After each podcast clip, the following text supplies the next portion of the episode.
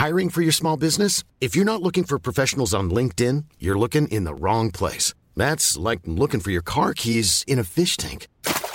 LinkedIn helps you hire professionals you can't find anywhere else, even those who aren't actively searching for a new job but might be open to the perfect role. In a given month, over 70% of LinkedIn users don't even visit other leading job sites. So start looking in the right place. With LinkedIn, you can hire professionals like a professional. Post your free job on linkedin.com slash people today. Hey, I'm Ryan Reynolds. Recently, I asked Mint Mobile's legal team if big wireless companies are allowed to raise prices due to inflation. They said yes. And then when I asked if raising prices technically violates those onerous two-year contracts, they said, what the f*** are you talking about, you insane Hollywood ass?" So to recap, we're cutting the price of Mint Unlimited from $30 a month to just $15 a month. Give it a try at mintmobile.com slash switch. $45 upfront for three months plus taxes and fees. Promo rate for new customers for limited time. Unlimited more than 40 gigabytes per month. Slows. Full terms at mintmobile.com. Det du tiltrækker, det er igen det du indeholder. Fordi du opdager ikke det andet. Alting er alle steder hele tiden. Hvis vi fokuserer på en sort bil, vi vi er lige ved at købe, så er den jo overalt. Henning, hvad har din viden om energi gjort for dit liv? Ja, det har givet mig en anden indsigt i, hvordan jeg kan ændre mit liv. Fordi når jeg ved alting er energi, så har jeg jo faktisk indenfra ud en mulighed for at lave om på tingene. Så i stedet for at være afhængig af ydre omstændigheder, den materialistiske verden, så er jeg med til at skabe energien indenfra ud. Og det er også det, Søren Kierkegaard fortalte os jo, at vi skaber livet indenfra ud, og det, det kan jeg forstå nu, når jeg har set, at alting er energi. Fordi den energi, jeg sender ud, den påvirker den energi, som alting er opbygget af. Og øh, hvis jeg så, så som, som den der lidt næsvise journalist, som jeg jo er, siger, men hvad har det rigtigt gjort for dit praktiske liv? For mit praktiske liv har det gjort det, at jeg lever meget mere i harmoni, kan du sige, med de omgivelser, jeg er i. Altså, den der synkronicitet, jeg har opdaget, der er kommet ind i mit liv, gør jo, at, at, at tingene er nemmere at håndtere. Fordi det bliver ikke den kamp for materialisme længere. Det bliver simpelthen mere et spørgsmål om at mærke, hvilken omgivelse er jeg i, og så det miljø, jeg er i, skal jeg forholde mig til. Nogle gange flytter vi os fra det miljø, vi er i, fordi det er nødvendigt, for, at hvis vi udvikler os. Og andre gange, der justerer vi tingene, sådan så at miljøet bedre passer os. Giver det mening? Så ja. enten kan vi jo vælge at flytte os helt ud af det miljø, fordi nu kan vi se, at vi, vi er vokset ud af det. Vi er nødt til at flytte planten, den står ikke det rigtige sted længere. Men vi kan også nogle gange være med til at ændre det miljø, vi er i, ved at gøre nogle ting. Så der, så der er sådan set for mig at se to måder, vi kan, vi kan påvirke det miljø, vi er i. Jeg har lige et eksempel her, hvis vi lige tager lytterne med. Vi har lige siddet og bøvlet med teknikken i 30 minutter. Og øh, nu når vi snakker om energi, så opstår der jo en energi, fordi der er et problem. Det vil sige, at øh, jeg bliver sådan lidt stresset, og jeg sidder sådan og tænker, at det skal jeg løse. Og Mike begynder at løse det for mig og hjælpe mig. Jeg har min tek- tekniker Anna, og du sidder sådan og har det meget roligt derovre, Henning, men du har sådan en bagkant. Hvad siger sådan en situation om energier? Altså kan vi bruge sådan en situation til noget? Det var meget konkret, og vi har lige været i den. Det må man sige. Jamen, jeg, tænkte, jeg tænker bare helt tiden, det løser sig, det, det kommer. Pludselig er den der. Så altså, jeg tænker, det, at så alting kommer til at le, altså, ende i synkronicitet alligevel. Så da jeg stod op i morges, øh, jeg var ude og høre en fed koncert i går aftes, kom sent i seng, og tænkte, jeg skal op nu her og tidligere op og afsted, og når jeg trafikken, tænker jeg, jamen jeg ved jo, det kommer altid til at passe. Og 10 minutter inden øh, jeg skulle være her, der parkerede jeg lige herude ved, ved søerne. Ikke? Altså, den, den der, hvis du har en fornemmelse af, at tingene passer sammen, så kommer de til at passe sammen. Det er det, der er ret unikt, synes jeg. Det er noget af det, jeg har opdaget. Den synkronicitet, som også Jung snakkede om, den er der bare, når vi lever os i den og mærker efter. Henning Jensen, vi skal snakke om øh, noget, som nogen derude, der måske sidder og lytter med, kan være sådan, have lidt, tage lidt afstand til, fordi når man siger ordet energi, eller når man siger ordet bevidsthed, så kan man, øh, eller overbevisninger, så er der meget forskellige reaktioner på det. Vi er jo kæmpe øh, fans her i Mere-podcasten af at tage sin hjerne lige så seriøst som sin krop. Altså at træne sin hjerne lige så meget som man træner sin krop. Så øhm, vi skal tale om bevidsthed, og vi skal tale om overbevisninger med dig, fordi det er du ekspert i. Og øhm, Mike Rador, jeg ved, du har glædet dig vildt meget til at få Henning i studiet her. Og det gode ved ligesom at have det her lidt kaosmoment, det var jo, at der var sådan, der, ja, jeg vil sige, der var god energi mellem jer, før vi gik i gang her. Vi fik snakket og fik lidt hinanden at kende. Ja. Det var super, og jeg glæder mig meget til at komme ind, så tak fordi at jeg var med. Fantastisk. Hvad plejer du egentlig at sige til skeptikere, Henning, som sådan øh, måske træder en lille smule tilbage, når man siger energi? Jamen, det, jeg mener, man skal holde fast i det, hvor man er. Altså, hvis, hvis det ikke siger en noget, så, så er det jo ikke det, så, så er det bare sådan, det er. Men, men vi kan konstatere, at videnskaben har vist os, at alting er opbygget af energi. Og hvad betyder det? Det betyder, at alting har en frekvens. Alting svinger ved en given frekvens, fordi alting er opbygget af energi. Så når du forestiller dig, at øh, materielle ting, men der findes ikke fast materiale. Fast materiale er en oplevelse, vi har. Så når vi rører ved noget, så føles det selvfølgelig som hårdt fast materiale. Altså, når jeg banker på bordet her. Så, så kan du ikke føre din hånd igennem bordet, det må vi konstatere. Ja. Men, men når, hvis du tænker på en tornado, der går hen over den amerikanske prærie, den eneste grund til, at du kan se den, det er jo fordi, den tager skidt og støv med op. Så bliver den synlig for det menneskelige øje. Og der ønsker du ikke at køre over imod den, når du kører på den amerikanske prærie. Det ved du godt, det er ikke smart. For så bliver du smidt med rundt. Du kommer aldrig til at køre igennem den. Det samme er jo, hvis du forestiller dig, at tornadoen går igennem et klinisk rent rum, så vil du ikke kunne se den, men du vil stadig kunne penetrere den. Hvis den var i et klinisk rent rum, du kørte imod den, så vil du blive slynget med rundt, du kommer aldrig igennem den. Når jeg fører min hånd ned mod bordet, så kommer jeg ikke gennem det bord, fordi de tornadoer, der bygger atomerne op, de er så kraftige, det kan jeg ikke. Selvom et atom er 99% luft, der er 99% luft, det vil sige, der er så stor afstand mellem kernen af atomet og elektronen, der kører rundt om, ligesom afstanden mellem jorden og solen. Så vi må sige, det er stærke energier. Så vi, øh, den her samtale, vi har i dag, den hviler på et fundament af, at videnskab viser os, at alt er energi. Ja. Og noget energi er hård, og noget energi er mindre hårdt, kan man sige. Den energi, der er mellem os her i rummet, mm. den kan vi ikke se, Nej. men den kan man måle. Den, ener- den energi, der er i bordet, det er en anden energi, den kan man også måle. Ja.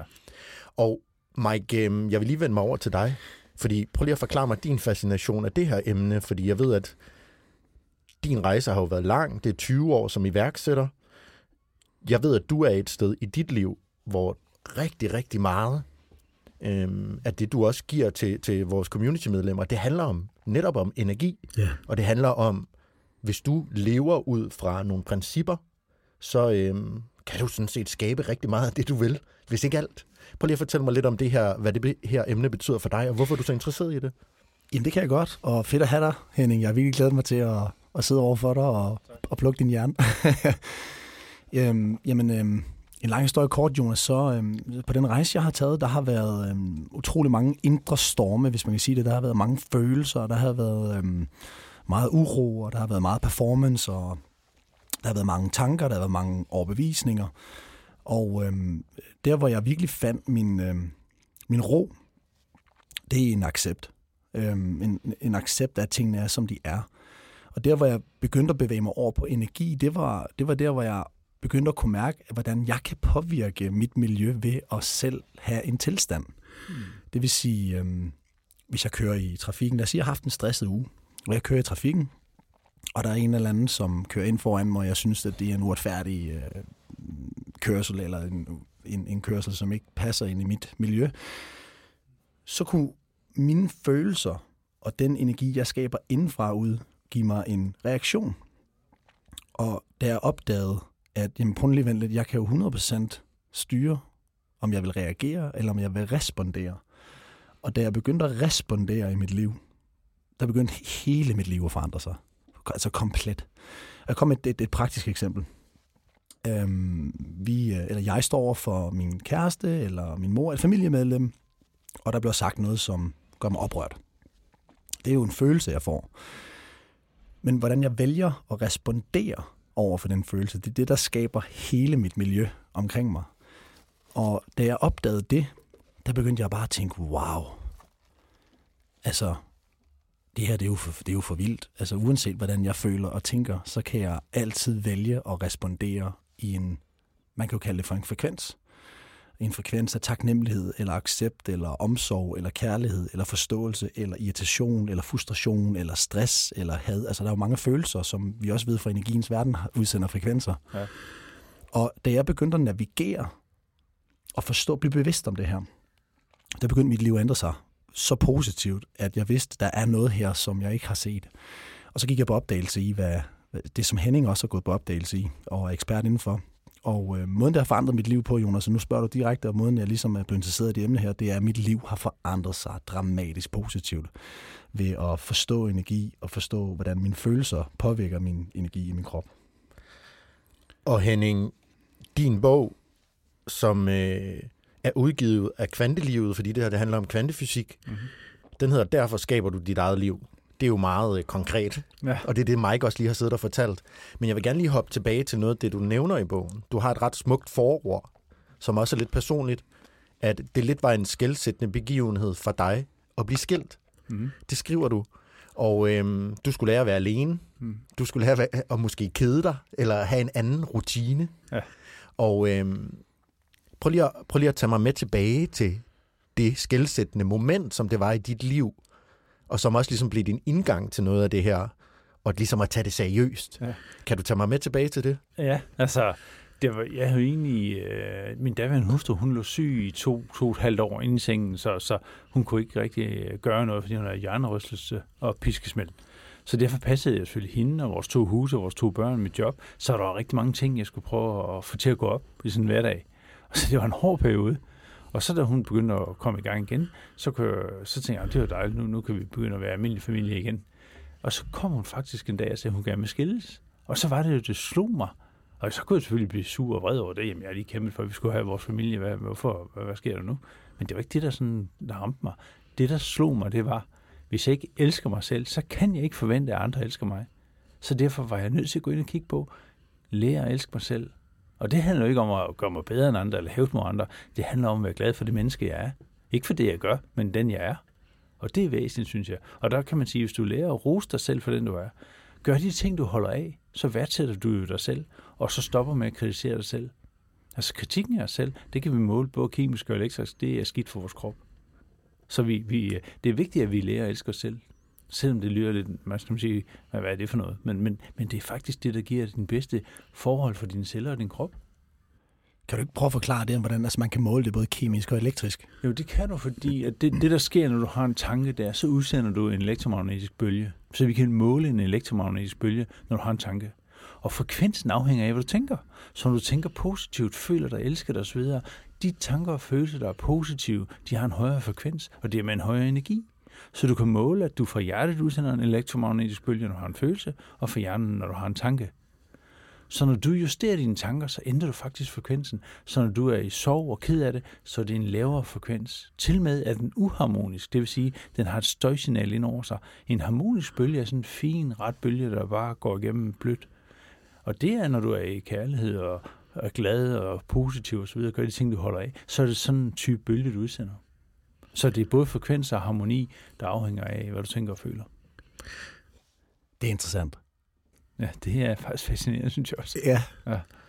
Henning, du, du kommer jo fra et andet sted, end øh, jeg tror mange vi forestiller sig. En mand, der er meget interesseret i energi. Øh, du er jo ingeniør oprindeligt. Er det civilingeniør, mener jeg, det er? Ja.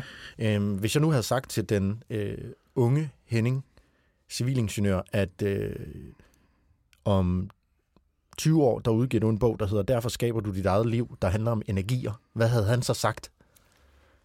Jeg har egentlig faktisk altid haft fornemmelsen af, at jeg vil skrive en bog, for jeg har altid godt kunne lide at skrive, men jeg vil nok alligevel have været overrasket. Jeg vidste ikke, hvad det skulle være om, jo. Nej.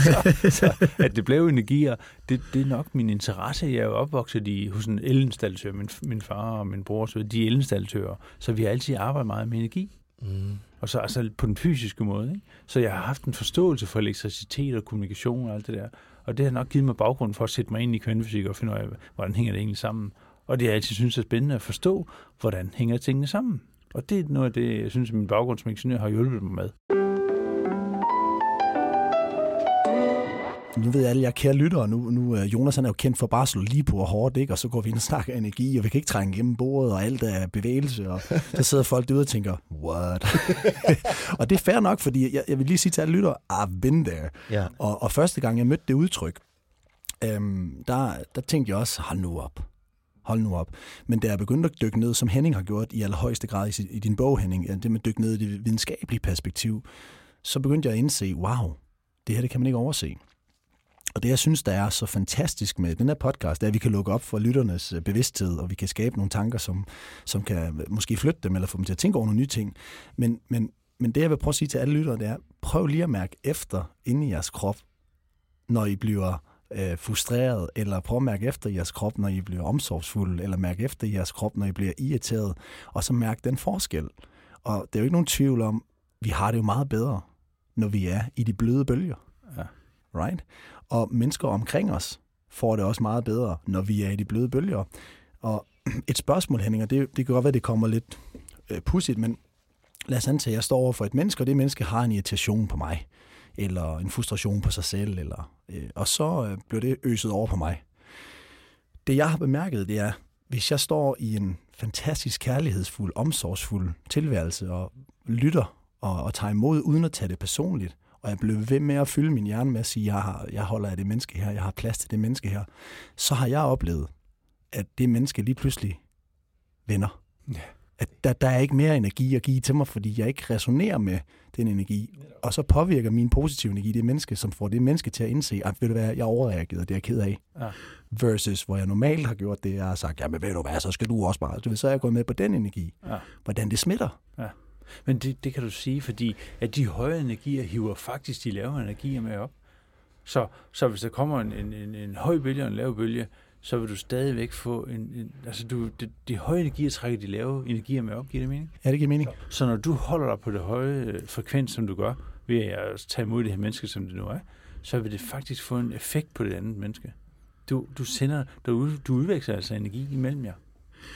Og det er også noget, man kan måle. Så jeg har jo læst mig frem til, at vi, vi, vi, vi ude inden for en radius af 5 meter mm. har et elektromagnetisk felt. Og når jeg siger elektromagnetisk felt, venner, så skal I prøve at forestille jer, I har set det sikkert set det masser af gange rundt om jorden, der har vi et elektromagnetisk felt, der beskytter os for solstormene og, og de radioaktive ting, som kommer. Ja. Og det har vi også rundt omkring os mennesker, eller hvordan, Henning? Det har vi jo, fordi, og det er jo logisk nok, fordi der løber en strøm ind i os, der løber en kommunikation. Alle celler kommunikerer via elektromagnetisk kommunikation, derfor løber der en strøm. Det skaber, som Ørsted lærte os, når der løber en strøm, skabes der et felt, så vi har et felt omkring os. Det er der også som en stangmagnet, det er der omkring jorden, som du nævner. Så vi har et felt omkring os. Og det var William Tiller fra Stanford, de var de første til at, og, hvad hedder det, at påpege og måle det her og, og ligesom beskrive det. Så vi har selvfølgelig et felt omkring os, fordi, øh, som Ørsted viste, når der løber en strøm, skabes der et felt. Ja. Det felt, det kan andre selvfølgelig mærke. Så vi kan godt mærke, når nogen er sure eller vrede eller ked af det, fordi det påvirker os. Mm. Du kan ikke sende bølger mod hinanden, uden de påvirker hinanden. Hvis du smider to sten i vandet lige efter hinanden, så vil bølgerne fra de to sten påvirke hinanden. Ja. Så når nogen sender bølger mod dig, og du sender bølger ud, så vil de også påvirke hinanden. Så udover det, vi så er vant til, måske reagere på mimik mm. og ord, ja. det er ligesom de to kommunikative ting, så skal vi også ligesom have en bevidsthed om, at vores energi, ja. det man ikke kan se, det er en tredje kommunikationsgren. Ikke? Man siger, 80% ligger i mimik, 20% i ord, ja. Og så må vi så til lige at trække nogle procenter fra, så vi kan smide energi ind i den ligning. Jeg tror, de, de, altså de 80 procent, det er mimik og energi. Det er det, det, den ligger. Ja. Ord er ikke det vilde. Det, det er ikke det vigtigste, det var lige at sige. Man kan godt kigge på Henning og så smile og sige, du er fandme en idiot, Henning. og der er forskel på, om vi siger det med stort smil og glæde i øjnene, eller jeg siger, du er fandme en idiot, Henning. Altså. Det er, mere, det er nok mere den følelse, du ja. har samtidig med din tanke, ja. som man mærker. Ja. Fordi man kan sige, hvis jeg har en mega god følelse med dig, Henning, og jeg så slår dig på brystet og siger, kæft, du er en idiot, så, så vil du smile, fordi du kan mærke, at min energi den er positiv. Ja, det er det. Versus hvis jeg har en frustration på dig, ja. så vil der komme en anden energi. Ja. Du er stærkere. Ja. Og jeg vil bare sige, Henning, du er ikke en idiot, så vi har fået styr på det. det vil jeg bare lige sige. Nej. Henning er ikke en idiot. Jeg men må jeg lige citere dig, Henning? Mm. Fordi nu nævnte Mike øh, sådan de her, en mere personlig historie i forhold til at møde mennesker, møde rigtige mennesker, som kommer med en anden energi, end man selv er i. Mm. Jeg har øh, hørt en podcast, hvor du siger, tak for, at du viste mig din vrede. Mm. Hvor du siger, at øh, når folk kommer med en vrede, så kan det ligesom være en den her bevidsthed, man kan have om, her kommer der en vred energi, her kommer der en sur energi. Ja. Og hvis man er bevidst om, der kommer det, så kan man bruge det til ligesom at spejle sig i, at det skal jeg ikke træde ind i. Er det rigtigt forstået, at, at folk vil teste os? Ja, det er rigtigt. Altså, det, det, jeg synes, der faktisk er mest fascinerende, det er jo, at du reagerer ikke på noget, du ikke indeholder. Hvis du indeholder vrede, så vil du reagere vredt. Så hvis nogen gør mig vred, så kan jeg kun sige tak til dem og sige, du har vist mig indeholder vrede. Det ved jeg ikke ønsker, fordi det giver dårlig kemi og dårlig elektrisk felt omkring mig. Så skal jeg jo selvfølgelig finde ud af, hvor kommer den vrede fra, og så skal jeg bearbejde den. I, i, dig, I dig selv. Jeg så skal jeg ind i mig selv. Ja. Fordi medmindre der taler om et overgreb, det er en anden situation. Så taler om overgreb i en anden situation. Men normalt, når nogen gør dig vrede, så er det ikke dem, der gør dig vrede, der er årsagen til vreden. De kommer måske lige med dråben, der får bedre til at flyde over. Men derfor ved du jo, at du skal have noget, du skal have behandlet. Ja. Og hvis du behandler det, får hvordan vrede ud, til sidst så indeholder du ikke vrede, så vil du faktisk ikke reagere, når andre kommer af vrede. Og det ved vi jo fra Dalai Lama og Nelson Mandela. De reagerede jo ikke vredt, selvom de blev udsat for noget, hvor vi andre vil fare flint. Hvor, hvor, hvor, det er spændende. Hvordan, øhm, altså, hvordan har du så bearbejdet den øh, hos dig selv, altså de energier, som du følte, at det, det ønsker du ikke at, at, at have med dig? Hvad, hvad, hvad, hvad, hvad kan man... Ja, der, jeg synes, man, man skal mærke efter, hvad virker for en, fordi man kan gå til terapi, eller snakke med sine bedste venner, eller man kan gå ud i skoven og smadre nogle grene mod nogle døde træstammer, der ligger på jorden, eller man kan kaste med sten. Man kan gøre man kan også, der er nogen, der løber, og nogen, der, altså man kan få det ud af kroppen. Men jeg synes, at sætte ord på det, det virker i hvert fald rigtig godt for mig. Ja. Jeg får snakket med en god ven, der tør sige, nu har jeg sgu den her, jeg føler sådan og sådan, og det er mega træls. Og, og så får man vendt det, og så lige pludselig så slipper det. Fordi det, der rent faktisk sker, når du får sat ord på det, det er, at du ændrer dine neurologiske baner i hjernen. Altså, du får en anden opfattelse af tingene. Du kan slippe noget. Og, og vi ved fra Eileen McCusick, at du kan faktisk måle de, de energifelter, der sidder omkring dig, dem kan du slippe. Traumer sætter sig i dit felt. Så når du sætter ord på dem og får, får løst dine traumer, så flyder energien frit igen i dit energifelt. Ja. Det er jo ret vildt. Jeg vil gerne lige hoppe over til noget, jeg vil kalde lidt videnskab for dummies. Aha. Fordi vi skal lige dykke en lille smule ned i den her videnskab. Mm. Det første, jeg vil, det er at sige, jeg vil gerne give jer øh, muligheden for at forklare os, hvor dyb kvantefysikken er.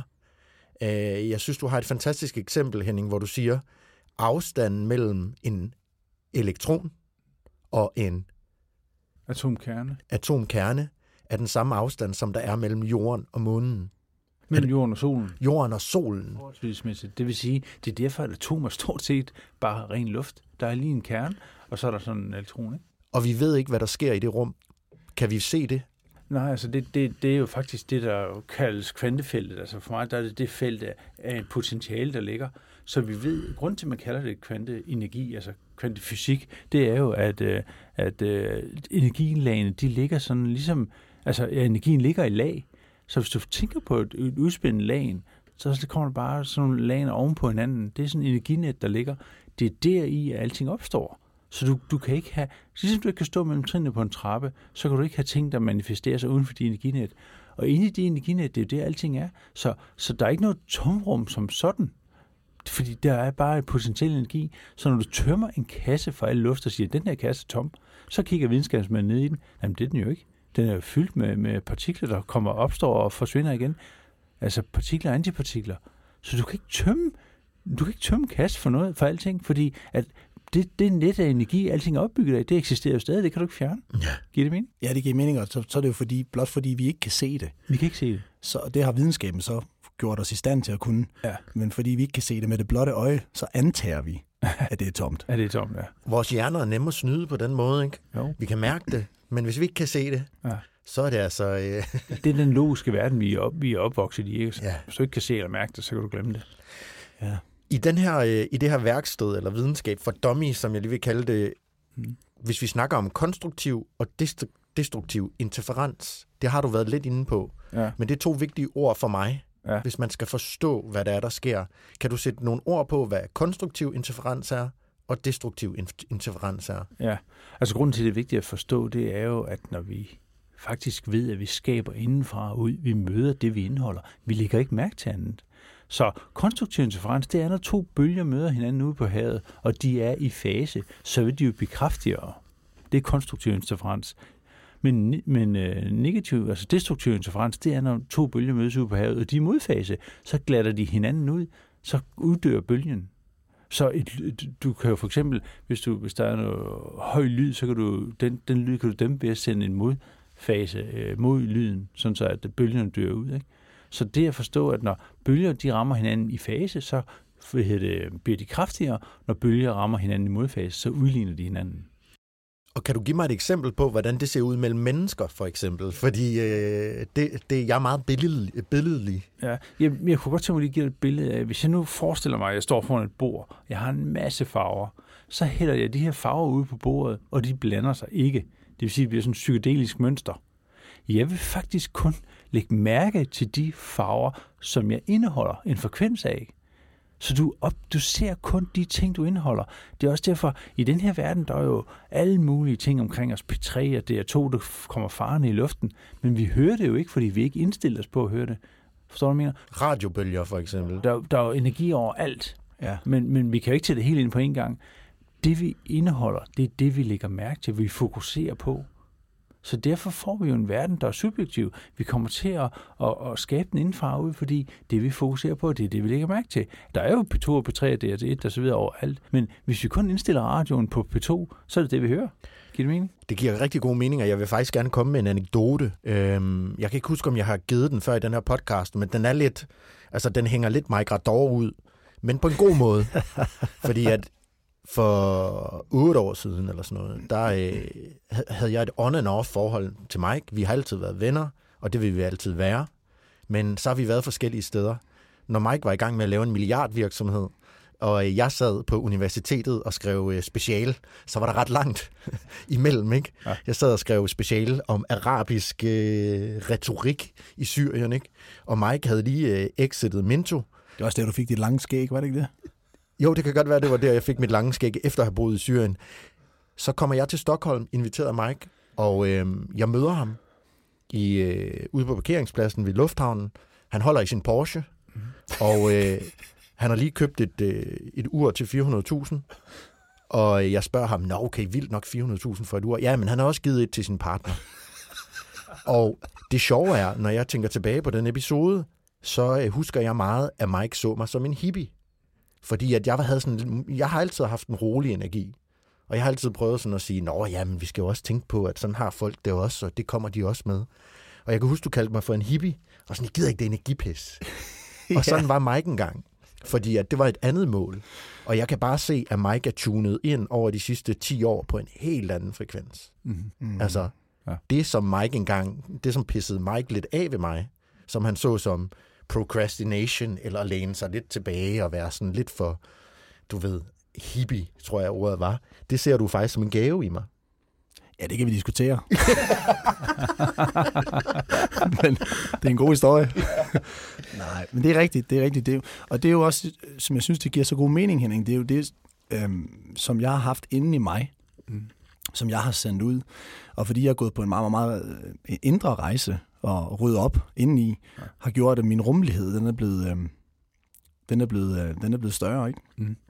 Øhm, og, øh, og, det, og det, som jeg synes er, og det, jeg synes, der er så interessant med denne energiverden, det er, når, da jeg begyndte at arbejde med mig selv og mine egne følelser, mine egne tanker, og jeg skabte rummelighed og kærlighed for mig selv, øhm, så begyndte jeg at få rummelighed og kærlighed for alle andre. Og det vil sige, uanset hvilket menneske jeg møder i dag, og, det, øh, og, og jeg kære lytter, lytter, I må ikke være i tvivl om, at det her det er sådan en evig opdagelse, fordi at der, der er nogle programmer i os, som mennesker, som er kommet fra os fra barndommen, og nogle overbevisninger, og nogle tanker, og nogle, for, nogle domme, vi giver til folk, ikke? vi putter dem i kasser. Men desto ældre jeg bliver, desto mindre kasser har jeg brug for at putte folk i. Og det, som jeg har lært af energiens verden, det er, jamen, det, som jeg tænker og føler, det udsender jeg. Så hvis jeg får en eller anden reaktion af energi og får en følelse af frustration eller vrede. Så det, jeg er blevet meget bevidst omkring, det skal jeg ikke sende ud. Så det øjeblik, jeg får den følelse, så afliver jeg den med at tænke kærligt. Det er stærkt. Og omsorgsfuldt. Ja. Og det har, øh, det har givet mig nogle stærke relationer, og det har givet mig en masse positive ting i mit liv. Men det gør jo, at folk holder af at være sammen med en, fordi de bliver ikke udsat for de angreb, hvis du kan kalde det det. Altså, det med, at vi rydder op indenfor, indenfra og ud, det gør jo bare, at vi får en helt anden verden. Vi får ikke den aggressivitet. Ja. Fordi aggressiviteten kommer indenfra. Det er ikke fordi, vi skal tage ansvar. Altså sådan, det er jo ikke, vi skal selvfølgelig gøre noget ved andre, men det er ikke sikkert, det er dig selv, der er skyld den aggressivitet. Den kan være kommet over nogle ting, du har blevet udsat for som barn, for eksempel. Ja. Så det er jo mega godt at blive bevidst om det og sige, den der, jeg ønsker ikke at være aggressiv. Jeg vil ikke handle på den måde, og så laver vi om på det. Ja. Det er sådan, jeg hører dig, at, at, at vi bliver bevidst om det, så ændrer vi jo tingene. Ja, det er korrekt. Det er korrekt. Så, så det der med at blive bevidst om det, så det er jo ikke, fordi det er elimineret ind i mig. Nej. Men det er nu, det er en bevidst valg. hvad jeg vælger at sende ud. Så i det øjeblik, den kommer, så bliver jeg bevidst, og det er det med mange mennesker, vi, vi, der, er vi, der er rigtig mange mennesker, de er ikke lige der endnu. Nej. Og i det øjeblik, jeg bliver bevidst, og jeg så kommer hippie Jonas med sit lange skæg, så kan man sige, forskellen, hvis vi skal fast forward 10 år frem, det er, vi har gjort, det er, at jeg har sagt, ej, hvor er det godt at se, Jonas, og ikke sætte nogen dom på dig, og have kærlighed og omsorg til dig. Ja. Og, og det, det har ændret min verden. Ja, det forstår jeg godt. Det, det, det gør det jo, når vi ændrer os indenfra. Ja. Og det synes jeg er mega... Altså, for mig er det jo genialt design, at du har en mulighed for at ændre tingene. Ja. Fordi hvis vi skulle sidde og vente på, at nogen kommer og frelser os, så ved vi ikke, hvor længe vi skal sidde. Det kan være uendeligt. Så for mig at se, det, at man har designet tingene, så du kan ændre dig indenfra, så laver du faktisk din verden om. Din ja. verden er subjektiv. Et direkte bevis, vi jo har nu her, når vi er inde i, i, i værkstedet og arbejder med at sige, det har det bevist for rigtig mange vinkler, det er, at man har målt på topatleter, mm. der performer. Er det ikke rigtigt i forhold til deres frekvenser, når de er i fokus? Ja, de har en højere energi, simpelthen en højere spænding. Du kan mærke den. Du kan måle, at de har en højere spænding, når de koncentrerer sig og fokuserer. For eksempel kan det være, at de fokuserer på det løb, de skal ud i. Hvis de løber det igennem i tankerne mange gange, inden de skal performe, så har de opbygget energi og en, en, simpelthen en, en højere spænding. Så det der med at fokusere, det, det betyder noget. Og der kan vi så arbejde os over i at sige, hvad gør en god topatlet i dag? Hvis man virkelig er high performer, så øh, arbejder man helt sikkert med sin vejrtrækning. Man arbejder helt sikkert med visualiseringer.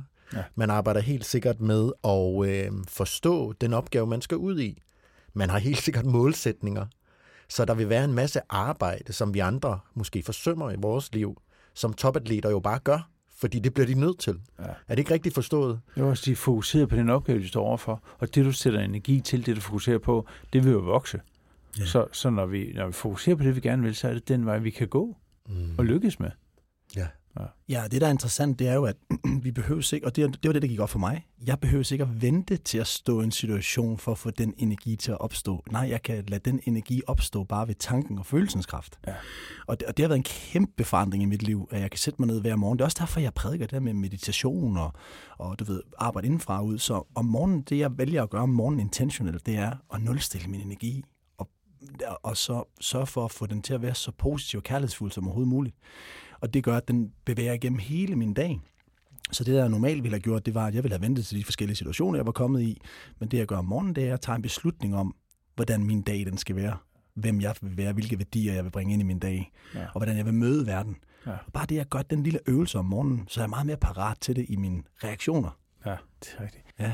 Den periode, hvor jeg, hvor jeg passede det hele hjemme, der, øh, der, der fandt jeg ud af, at hvis jeg tænkte på noget, jeg skulle, som jeg glædede mig til, eller jeg tænkte på noget, jeg havde gjort, som gjorde mig glad, så havde jeg en helt anden start om morgenen. I stedet for at tænke på alle de opgaver, jeg skulle nå at løse og sørge for, at børnene kommer afsted og alt det der.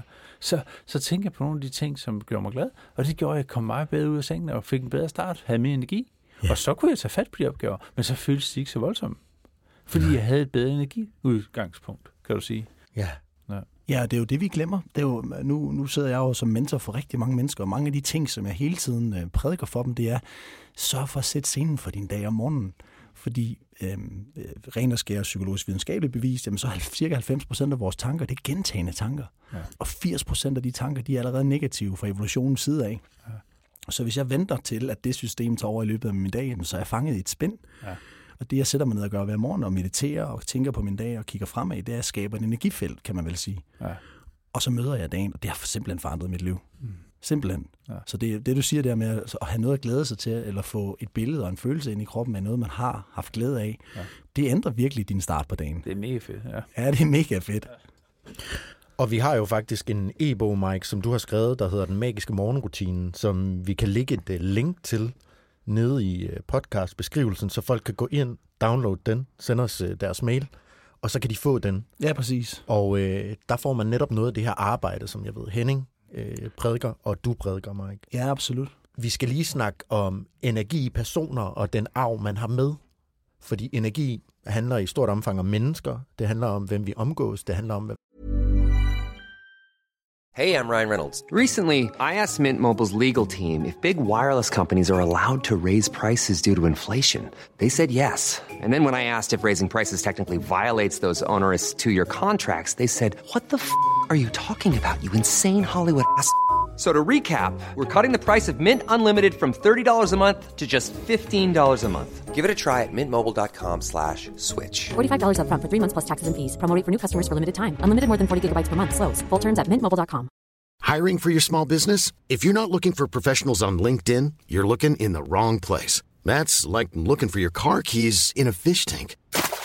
LinkedIn helps you hire professionals you can't find anywhere else, even those who aren't actively searching for a new job but might be open to the perfect role. In a given month, over 70% of LinkedIn users don't even visit other leading job sites. So start looking in the right place. With LinkedIn, you can hire professionals like a professional. Post your free job on linkedin.com slash people today. vi kommer fra. Der er rigtig meget i vores opdragelse, som betinger vores selvværd. Det vil sige, hvis man øh, som lytterne, der sidder derude, øh, de kommer fra rigtig mange forskellige steder, fordi der er utrolig mange mennesker, der lytter med, ikke? Hvordan, øh, hvordan kan det påvirke vores, eller lad mig spørge mere konkret, hvordan tror I, det har påvirket jeres energi, der hvor I kommer fra, og det er I blevet opdraget af? Altså jeres forældre? Det er helt grundlaget. Altså, du skulle sige, fra du er 0 til 7 år, der tager du alt ind som sandhed. Og igen må jeg bare sige, det er genialt design, fordi man har designet børn til at lære lynhurtigt. Så når du er 0 til 7 år, så har du kun hjernebølgefrekvenser i delta og theta. Det betyder, at du lærer bare sådan her. Suk, suk, suk. Du får ved, suget dit miljø ind til dig og finde ud af, hvordan skal jeg overleve det miljø, jeg lige er født ind i. Så du tager til dig. Det betyder så bare, at hvis du Altså når vi får al kærlighed og alt det der med ind, det er jo rigtig godt, men når vi får negative ting med ind, så er det ikke så godt. Så dit mindre værd for dine forældre, eller jeg er ikke god nok, og jeg kan ikke det, og jeg er ikke jeg er klodset og sådan noget, det tager du faktisk med ind, uden at du har et filter til at, at sige, ah, det der, det, det skal jeg ikke have på lager. Så først når du når over syvårsalderen, så kan du begynde at forholde dig til tingene. Mm. Og det betyder bare, at den opvækst, den barndom, vi har, den er utrolig afgørende for den platform, vi starter vores liv på. Vi må sige, at vi starter ikke på den samme platform, men det er sådan set ikke så afgørende, hvilken platform vi har været heldige at få. Det afgørende er, hvordan går vi videre derfra. For vi ønsker at komme videre. Vi ønsker at lægge for eksempel mindre værd, eller hvad det måtte være, bag os. Ja. Og så, og, og så udvikle os indenfra ud. Så vi har jo evnen til at gøre det. Ja. Så. Er der nogen værdi i at forstå det? Øh, Altså, jeg synes, jeg, jeg kan godt lide at forstå sammenhæng og ting, så jeg, egentlig, jeg, jeg har set nogle af de mønstre, jeg har haft, det har jeg fået af min opvækst. Og mm. der er mange gode ting, men der er også en ting, hvor jeg tænker, det der, ah, det skal jeg ikke videre med. Det skal jeg have ud af min verden. Ikke? For jo. eksempel havde jeg en følelse af, at øh, en, en overvisning, der hed, yder du vil blive elsket. Det vil sige, så havde jeg, for at jeg kunne opleve kærlighed, der skulle jeg ud og gøre noget for andre, yde noget for andre. Ja. Det er jo skidt. Så skal du rende spidsråd med alle mulige mennesker og føle, at du gør noget for dem, for at jeg kan føle mig elsket. Ja. Men det har altså ikke noget med de andre mennesker at gøre. Det er bare fordi, sådan havde jeg lært det. Og det var fordi, der hvor jeg voksede op, der var der ikke ret meget tid til bare at være. Så når jeg skulle være sammen med mine forældre, så var det smart at gå over gårdspladsen fra, hvor jeg boede, ind i butikken, hvor de var. Og så når jeg hjalp til der, så fik jeg jo anerkendelse, og så havde de tid til mig at og det var dejligt som barn at mærke, at ens forældre har tid til en. Ikke? Ja. Så lærte jeg jo, at hvis jeg yder noget, så får jeg jo kærlighed. Ja. Men det er jo ikke et mønster, jeg ønsker at bringe videre i mit liv. Jeg vil jo bare gerne elskes for den, jeg er. Den ubetingede kærlighed, det er det, vi søger instinktivt. Og det er den kraftigste af alt for os. Det er det vigtigste for os. Ikke? Ja. Ja, det er, det er hårdt at skulle arbejde øh, 80 timer om ugen øh, i sit voksenliv for, for at blive elsket af sig selv, ikke? For at føle sig kærlig, ikke? Ja. det går jo ikke. Og det er så interessant, og det er også det, som jeg kan klassificere for vores paradigme, ikke? Altså, det, det er virkelig der, vi får vores forståelse af selvbilledet mellem 0 til 7 år gamle. Ja. Øh, og, og for at referere til det, det jeg virkelig har oplevet, det er, at øhm, jeg har også rigtig mange ting. Jeg har jo alt for mine forældre, ligesom alle andre mennesker har. Ja. Men det er først for et par år siden, jeg begyndte at tænke på, den, den følelse, jeg får nu, hvor kommer den fra? Mm. Fordi det har ikke noget med virkeligheden at gøre. Så hvis jeg kunne sidde i en situation og blive mødt med et budskab, eller blive mødt med en tanke, så fik jeg en følelse af negativitet, eller måske fik jeg en følelse af, at jeg ikke var elsket, eller jeg ikke var god nok. Og jeg så tænkte, men vent nu lige lidt. Den, den, følelse, altså den følelse, den har jo ikke, det er jo ikke noget, det, den har jeg jo ikke tænkt over, den kom på automatik. Ja.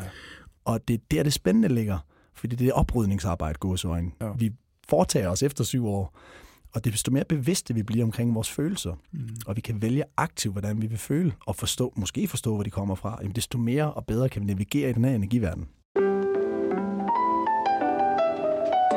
Vores tanker er jo ret væsentlige, fordi for mig at se, så affører vores tanker jo øh, følelser. Så når vi bliver bevidste om de tanker, vi gør os, så kan vi være med til at kontrollere vores følelser. Så når vi tænker positivt og, og gør de ting, vi holder af, så får vi altså en anden følelse indeni. Mm. Ja. Så vores tanker er virkelig vigtige at være opmærksom på. Og det er jo ikke, nogle gange får du jo tanker, som, som du så ikke, så ikke giver mening for dig. Så er det egentlig mere at droppe tanken, og så tænke på det, du gerne vil. Når vi tænker på det, vi gerne vil, så fokuserer vi på det, vi gerne vil opnå. Så det er langt bedre at lige være opmærksom på tankerne, end bare at lade dem, hvad lige vil sige. Altså, blive opmærksom på, går jeg og tænker nogle tanker igen og igen, som egentlig ikke har noget med mig at gøre. Jeg ikke ønsker noget. Det er ikke den vej, jeg ønsker at gå.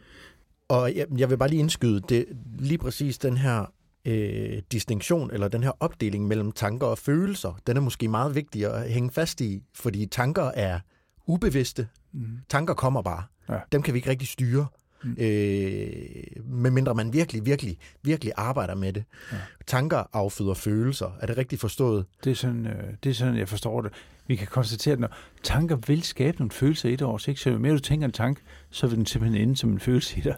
Ja. Så når du bliver opmærksom på tanken, så har du en reel chance for at påvirke de følelser, du ender med at sidde med. Ja. Stærkt. Og, det, og, og for, øhm, bare lige for at, at snakke om det, Henning, for det, som jeg lærer, men, altså det, som jeg lærer de mennesker, jeg har mentor for, det er, mm. At det er enormt svært at navigere dine følelser over i noget andet, hvis det andet ikke er defineret. Så, så det, som det, som jeg altid øhm, prædiker rigtig meget med, det er at få defineret, hvad, hvad er den bedste udgave af dig? Hvordan ser den person ud? Hvordan opfører den person sig? Og hvor vil du gerne have ind i dit liv? Altså, hvordan skal din livsstil se ud?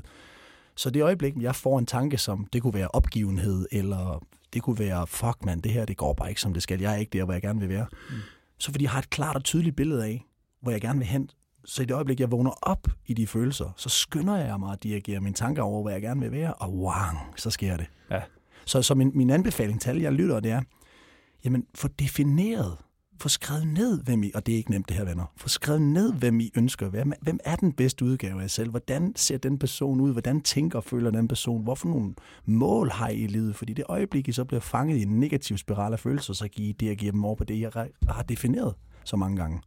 Og igen, vi er et resultat af vores mest dominerende tanker. Mm.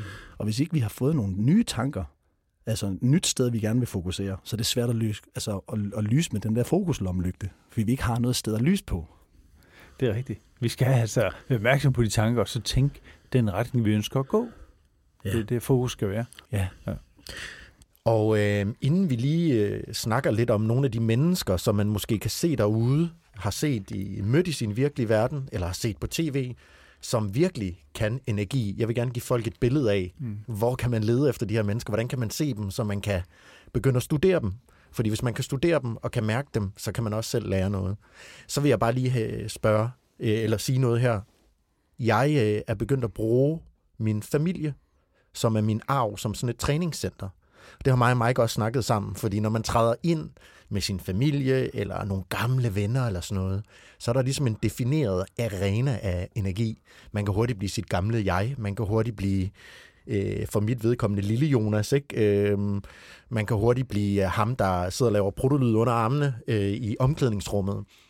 Så jeg tager en bevidsthed med mig ind, når jeg går ind i mine gamle relationer, hvor der ligesom er en forventning til mig, så prøver jeg at studere andres energi, og prøve at mærke, hvad er det, du gerne vil give mig? Ja, det er stærkt. Altså, du kan, så kan du jo se, når du kommer ind i de gamle øh, venskaber, har tingene ændret sig? Har det, har det, jeg har ændret mig, har det faktisk givet dem en mulighed for at se mig på en ny måde? Mm. Ja. Det, det synes jeg faktisk er en stærk øh, måde at gøre det på. Ja.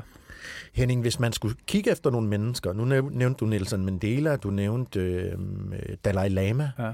Øh, er, er, altså, hvordan kan man se på dem? Hvordan kan man mærke sådan nogle mennesker? Jeg synes, de udtrykker en ro og, og så sådan, ligesom sådan en, en sikkerhed, hvis du kan sige det. Altså mm. sådan en indre, indre balance. Og det, det kan du typisk mærke, når folk har det. Også sådan en som Eckhart Tolle eller ja. nogle andre mennesker. De har bare den der ro i sig, fordi de lever i synkronicitet. Det med behøver du ikke at være bange, for du ved godt, der sker de rigtige ting. Ja. Altså, den der, når vi kan slippe frygten for, hvad søren skal der ske mig. Altså, at vide, at, det, at vi er i trygge hænder. Fordi at, at vi, sådan, hvad hedder det, vi tænker positivt, vi tænker på det, vi gerne vil osv., så, så opnår vi jo den der behagelige samhørighed med det miljø, vi er i. Mm.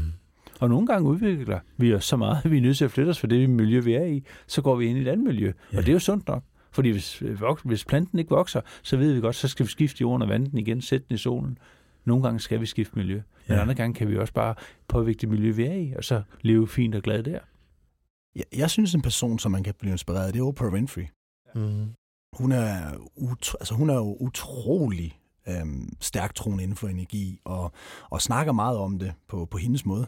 Og det, som jeg har bemærket med Oprah Winfrey, det er hver eneste gang, at hun skal lave det. For hun, hun er jo den, som fik Lance Armstrong ind i et interview, hvor hans karriere stod over for det største flop, ikke? hvor han havde løjet igen omkring hans EPO.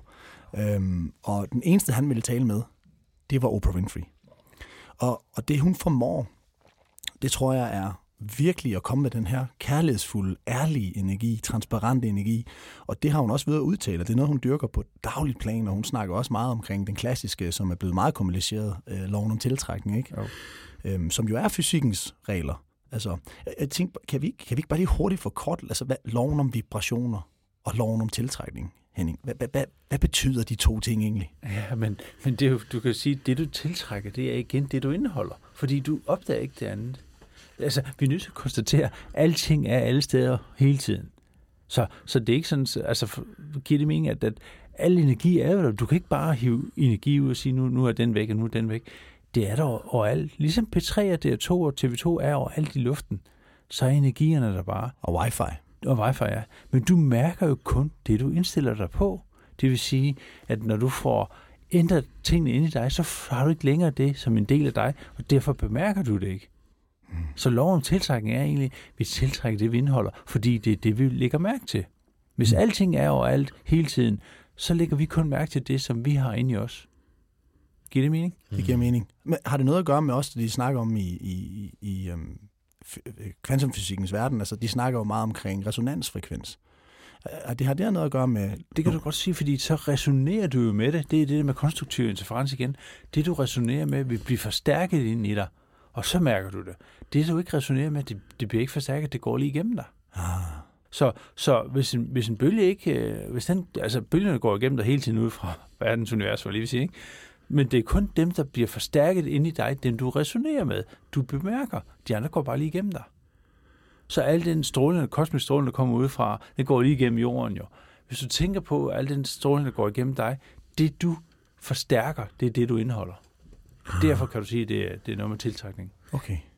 Så hvis jeg skal blive lidt billedlig her og prøve at oversætte til mig selv, så øhm, jeg ser ikke din energi, Henning, og din glæde og din varme, med mindre at jeg også selv, øh, eller jeg ser den bedre og mærker den bedre, hvis jeg selv går i den. Ja, det kan du sige. Hvis jeg går rundt og er negativ og ked af det, og øh, måske øh, bange for min fremtid, så vil jeg tiltrække mennesker, der også gør det. Du vil bemærke, at der er mange, der er ked af ligesom du er. Ja. Det er dem, du vil lægge mærke til. Hvis vi fokuserer på en sort bil, vi, vi er lige ved at købe, så er den jo overalt. Ja. Altså, det er jo det, der er det vi fokuserer på, det kommer til os. Ja. Det er et rigtig godt billede, du siger, det der, det, du, du vil lægge mærke til de mennesker, der også er kedelige, som du selv er. Ja. ja.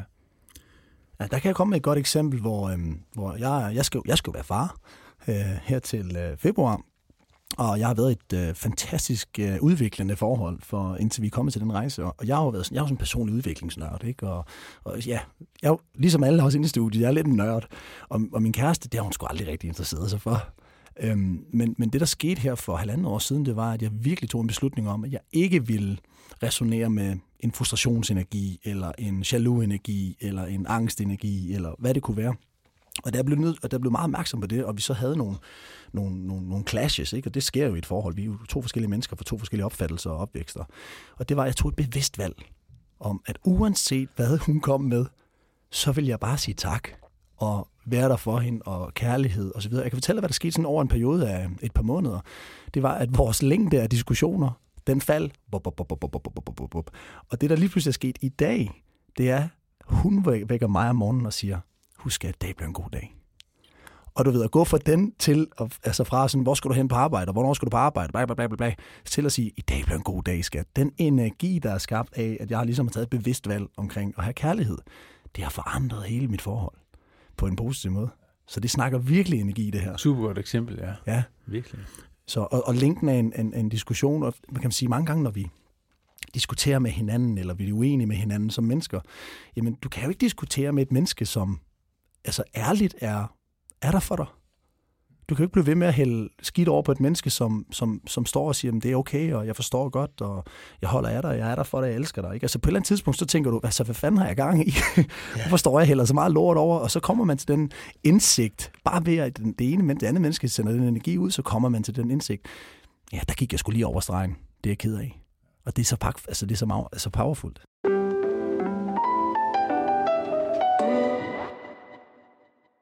Vi er tæt på vejs ende her, men inden uh, vi stopper med dig, Henning, så skal vi altså lige i det, jeg vil kalde energitræningscenteret. Yes. Og jeg vil starte med at spørge dig, hvornår har du sidst, Henning, ligget i et kar af selvlysende rødt vand? det er en øvelse, jeg har i min bog, ja, det er rigtigt. Øh, jamen, det, det, det gør jeg altid, hvis jeg har brug for, jeg kan mærke, at det, jeg har brug for lige at hæve den der selvkærlighed, kan du sige. Altså, grunden til, at selvkærlighed er vigtig, det er, fordi vi kan måle de, de øh, hvad hedder det, stoffer, som hjernen er med til at frigive i kroppen, den, den styrer de her, ikke? det gør bare, at du hæver til en bedre kemi i kroppen, når du har den kærlighed til dig selv. Og det er jo ikke, igen, det er vigtigt at forstå, det er jo ikke noget med at gøre sig bedre end andre, eller være vigtigere, eller noget som helst. Det er bare at have en god fornemmelse ind i kroppen. Og det er jo faktisk en øvelse, som er meget konkret. Det er, at om morgenen for eksempel, så skal du øh, bruge visualisering, ja. og så skal du forestille dig selv, se dig selv udefra, ligge i et kar af selvlysende rødt vand, ja. som det ligesom passer dig. Det kan godt være, at det er lidt mere rødt hos den ene, og lidt mere rødt hos den anden, men prøv at se dig selv ligge og måske blive opladt eller fyldt af kærlighed i det her vand. Er det ikke rigtigt forstået?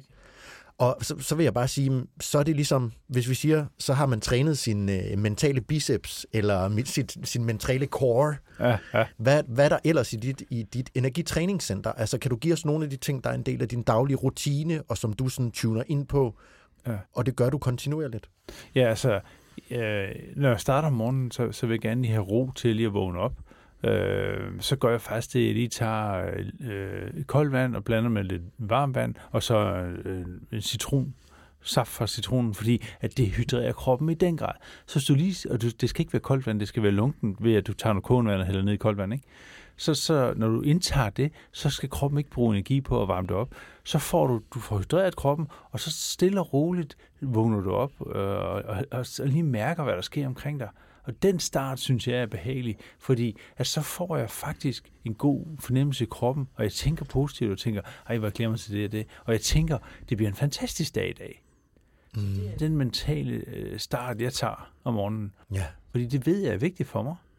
Ja. ja. Har du, øh, jeg ved, du har arbejdet med ros. Altså det her med, at hvis man kan øve sig selv i, øh, øve sig i at rose sig selv, ja. kan man gøre det på nogle konkrete måder? Ja, så jeg vil sige, jeg kommer faktisk fra et sted, hvor jeg voksede op, hvor der var meget kritik både af hinanden og sig selv, ikke? Og det, det er, der er min, min, min mor er god til at gøre det stadigvæk og kritisere sig selv.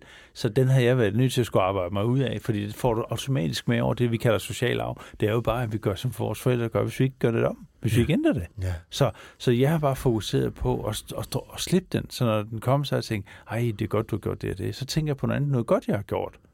Og det, synes jeg er væsentligt, at vi kommer ind og roser os selv ja. for det menneske, vi er. Ja, og, og gøre det sådan, fordi en ting er at tænke det, en anden ting er at føle det. Og det er derfor, vi bliver nødt til at gentage det. Så vi fanger følelsen. Ja. Fordi da jeg startede hele den her rejse her også, så, ved, så købte jeg nogle amerikanske programmer, ikke? og så positive self-talk og affirmations, og jeg følte dem sgu aldrig. Og, og, og det var først, da jeg begyndte at indse, at jeg blev nødt til at lede efter nogle mentale billeder, som blev tydelige for mig, således at den tanke, jeg får, kan connecte med en følelse. Og det, hvor jeg fandt uh, utrolig meget sådan gåsehudsfølelse, det var, jeg, jeg er en gammel fodboldspiller, mm. det var den ros, jeg fik, når jeg scorede et mål. Ah, ja.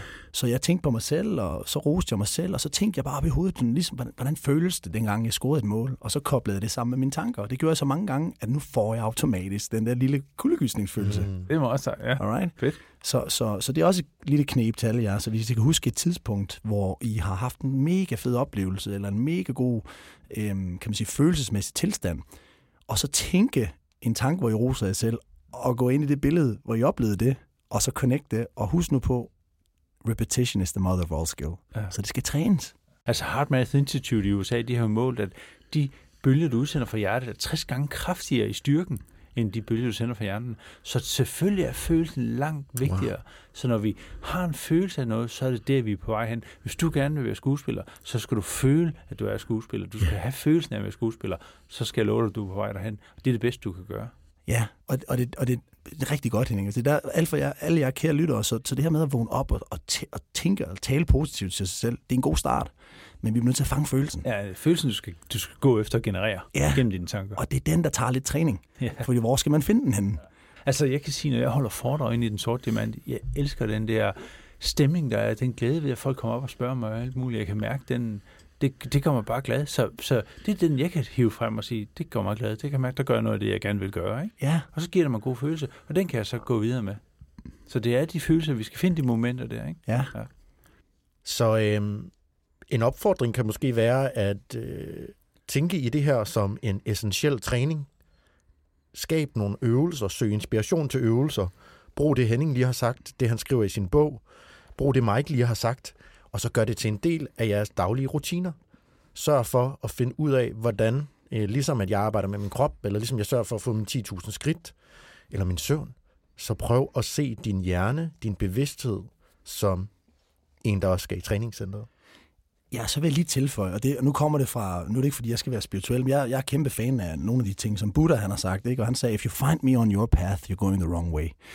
Og, og, Hvad betyder det? Jamen, jamen, det betyder bare, at, at øh, hver enkelt af jer lytter, I bliver nødt til at finde jeres vej. Så det vil sige, at øh, vi kommer med nogle gode forslag til, hvordan man kan starte, men hvordan man får tanker og følelser til at koble sammen, det er jeres egen vej. Så jeg fandt min vej via min fodboldmål, øh, eller jeg fandt min vej fra første gang, jeg smagte en brunsviger, eller hvad det nu kunne være. Så vi bliver nødt til at finde vores egen vej med de, med de overliggende principper. Ikke? Fordi I, hvis vi bare går ud og gør det, andre gør, og vi ikke fanger følelsen, then you're going the wrong way. Ja, og så får du ikke noget af det. Nej, du, du skal hen og mærke det. Jeg skriver også i min bog, at det, det jeg synes, der er vigtigt, er, at jeg, jeg skriver de her ting, for at folk kan, kan skabe deres egne meninger. Det her er ikke en bog, der skal give dig den mening, jeg har, men den skal gerne få dig til at tænke over, hvad er det for nogle holdninger og meninger, du har, så kan du skabe noget ud for det inspiration, du får. Det er væsentligt, at det er vores egne tanker og følelser, vi følger. Altså, vi skal skabe vores egne tanker og følelser, ikke? Ja. Vi skal ikke bare lade os gå på andres. Ja, og det, og det, og det tal, jeg lytter til, det, det er mega spændende med Hennings bog, det er, at den er jo videnskabeligt bygget op. Og, og det synes jeg, det er sådan en overliggende forståelse af det. Men den tankemæssige og følelsesmæssige ting af det, den skal vi finde selv. Ja. Jeg øh, sidder her med Hennings bog imellem øh, hænderne. Derfor skaber du dit eget liv med baggrund i kvantefysikken. Og jeg tænker jo, det ultimative bogbundle, man kan få, det er at koble Hennings bog om Derfor skaber du dit eget liv med Mikes bog Begynd med vanerne. altså, det må, jo, det må jo være det ultimative bundle, fordi så får du implementeret det, Hennings, det er Henning Preacher, og det vi preacher i mere to, kan man også sige. Mm. Det får du øh, redskaber til at implementere i dit liv. Så øh, nu sidder jeg også her og lobbyer, for jeg arbejder jo sammen med Mike og er partner i hans virksomhed også. så der, altså for mig, drenge, der står dobbeltforedrag på den her. ja, fedt. Ja. Og jeg har en tendens til at forretningsudvikle lidt her i podcasten, men det har jeg en fornemmelse af, at lytterne synes er meget fedt. Så øh, den er her med smidt ud. Ja. Og øh, jeg synes, øh, det sidste spørgsmål for mig skal være, hvorfor, øh, hvorfor er det lige nu, at vi begynder at fornemme, øh, og det ved jeg også, du fornemmer på din foredrag, Henning, at der bliver så meget opmærksomhed på det her. Vi har jo vidst det her helt tilbage fra urfolk har brugt energier, stammefolk. Øh, hvorfor er det lige nu, at det begynder at vokse? Hvorfor er der flere og flere? Hvorfor sidder der en hardcore iværksætter herover som Mike Rador, der har fem internationale virksomheder og er interesseret i energi? Altså, jeg tror, man, man, man, vi er nok ved at vågne op og se, at der er noget, der ikke fungerer. Fordi at, at tingene kører ikke, som vi alle ønsker i hvert fald. Ja. Så det gør, at vi må tænke anderledes. Og det gjorde Einstein og Niels Bohr også i 1920'erne. Havde de ikke gjort det, så havde vi ikke opdaget kvantefysikken og fået den her forståelse. Vi bliver nødt til at prøve at lede efter noget andet. Og det tror jeg er en af grundene til, at vi nu ser folk kigge andre, andre steder hen. Og derfor øh, gør sådan nogle ting, som vi snakker om her. Ikke? Ja, og så, jeg er jo den nørd, Henning, fordi da jeg, da, da jeg, da jeg mødte dig øh, via din bog, der havde jeg allerede været på en rejse inden for det. Der. Jeg synes, det var så fedt, at du skrev en bog, som var meget, meget, meget simplificeret og, og videnskabeligt øh, godt bygget op. Men, men der, hvor jeg virkelig på letten trillede ned, som jeg også ved, du skriver om, det er, at det, det som Isaac Newton og Charles Darwin kom med i 1800-tallet, ikke, som var uh, survival of the fittest, og så var det, kan man sige, meget materialistisk fysisk uh, livssyn. Ja. Det modbeviste eller byggede Einstein og Niels Bohr for eksempel jo altså de slog jo hul på mange af de teorier. Men, men, og det er jo den videnskab, som vi bruger i dag. Det er jo derfor, vi har fundet ud af at lave wifi og bluetooth og alt det, vi har fundet ud af. Men selve den her viden omkring, hvordan vi skal forholde os til det, der er mit råd til alle lyttere, det er, at vi bliver nødt til at flytte os, som du også skriver i din bog, fra den newtoniske verdenssyn mm. til det energimæssige ja. verdenssyn. Og det er jo også det, jeg lidt der fornemmer, at that's where we are waking up. Ja. ja. Jamen, det er også sjovt, jeg synes, at du nævner det med Darwin, fordi vi kan jo konstatere, at Darwins evolutionsteori, den hænger ikke sammen længere. Matematisk er det simpelthen umuligt. Ja. Og vi ved også, at han siger, at det var tilfældig mutation, der skabte os mennesker. Det, det ved vi godt ikke rigtigt, fordi vi ved, at Michael Levin fra Tufts University, han har jo optaget, hvordan celler kommunikerer intelligent. Ja. Så det er ikke generne, der fortæller, hvordan celler skal gå sammen og blive til en hund, eller et træ, eller et menneske det er noget andet. Det er noget, der hedder hologrammer. Der ligger en viden, som de celler så samarbejder om. Det vil sige, cellerne kommunikerer og siger, at du skal være hale, du skal være hoved, du skal være pote. Så arbejder de sammen for at skabe et helhed. Ja. Så der er, en, der er en intelligens, og den ligger ikke i generne. Gener er bare en, en opskrift på, hvad du kan bygge. Ja. Så, så der er en situationsteori, den, den hænger ikke sammen længere. Nej. Den, den er, men, men det gør, at Le Marx er, er bedre. Den hedder use it or lose it. Det må vi konstatere. Hvis du ikke bruger det, så henfalder det. Ja. Det du bruger, det styrker du. Ja. Ja, ja godt sagt, mand. Tak. Use it or lose it. Ja, det er sådan, det er. Og øh, med de ord, så vil jeg bare lige opsummere og sige, at du har selv et øh, ansvar for at komme i gang med det her, og blive opmærksom på, hvad for nogle energier du går med, og hvilke energier andre kommer med. Du kan træne det på forskellige måder, men din bevidsthed kommer først og fremmest. Så øh, jeg vil jo opfordre til, at man kan gå ind og se et foredrag med Henning. Absolut. Og øh, man kan søge rigtig meget viden om det her på nettet også. Der er en kæmpe bølge på vej. Bølge. og øh, det her, det er jo bare første step, så øh, det synes jeg bare er en fantastisk introduktion, vi har lavet her. Og det er absolut bedste råd, venner altså helt seriøst, hvis man skal få det her til ligesom at starte sin rejse i den her verden her, hvis man har lyst til det, det er start med at blive opmærksom på det, I føler. Og inden I når at reagere, så kan I vælge at respondere. Det vil sige, lev et liv, som er responsivt, i stedet for reaktivt. Det er jo det, der gjorde den helt store forskel for mig. Ja, helt enig. Det er vigtigt. Ja. Henning R. Jensen, Tusind tak, fordi at, øh, du vil komme herind og berige vores mere podcast. Så vil jeg sige tak til dig, Mike Rador, fordi at du laver den her podcast sammen med mig, og uh, vi har det her projekt kørende. Det er jo fantastisk. Det er det, og øh, tusind tak, Henning, for, for den bog, du har skrevet. Den var fantastisk at læse, og uh, tak fordi du kom ind og uh, ville være med. Ja, tusind tak, fordi jeg måtte. Det er jeg virkelig glad for. Fedt at møde jer. Vi lyttes ved derude. Vi ses.